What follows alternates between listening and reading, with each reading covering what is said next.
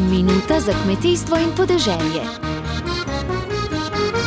Slovenski pridelovalci zelenjave Združenju zadruge so trgovskim verigam že ponudili terminski plan s količinami zelenjave, ki bodo v letošnji sezoni na voljo.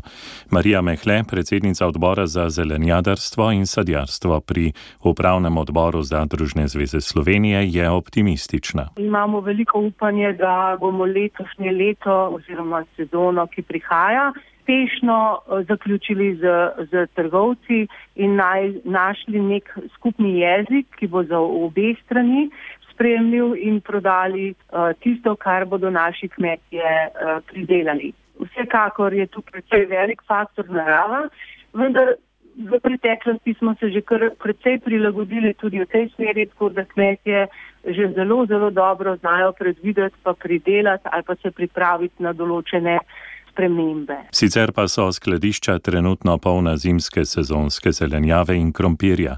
Predsednik Zadružne zveze Slovenije Borod Florjančič opozarja. Trenutno imamo na področju zelenjave, kar smo od zadrug dobili, se pravi pri članih, je skoraj 500 ton raznih gomolnic kar je pa ni veliko, če bi se trgovci odločili in, in eh, primarno postavili na police, to je le zimska zelenjava za zimske jedi, eh, bi kar kaj hitro te gomolnice eh, šle v prodajo. Pa tudi 3500 ton zalog, samo pri članih kmetih, bode v oči, da ne govorimo, koliko je zalog krompirja še izven.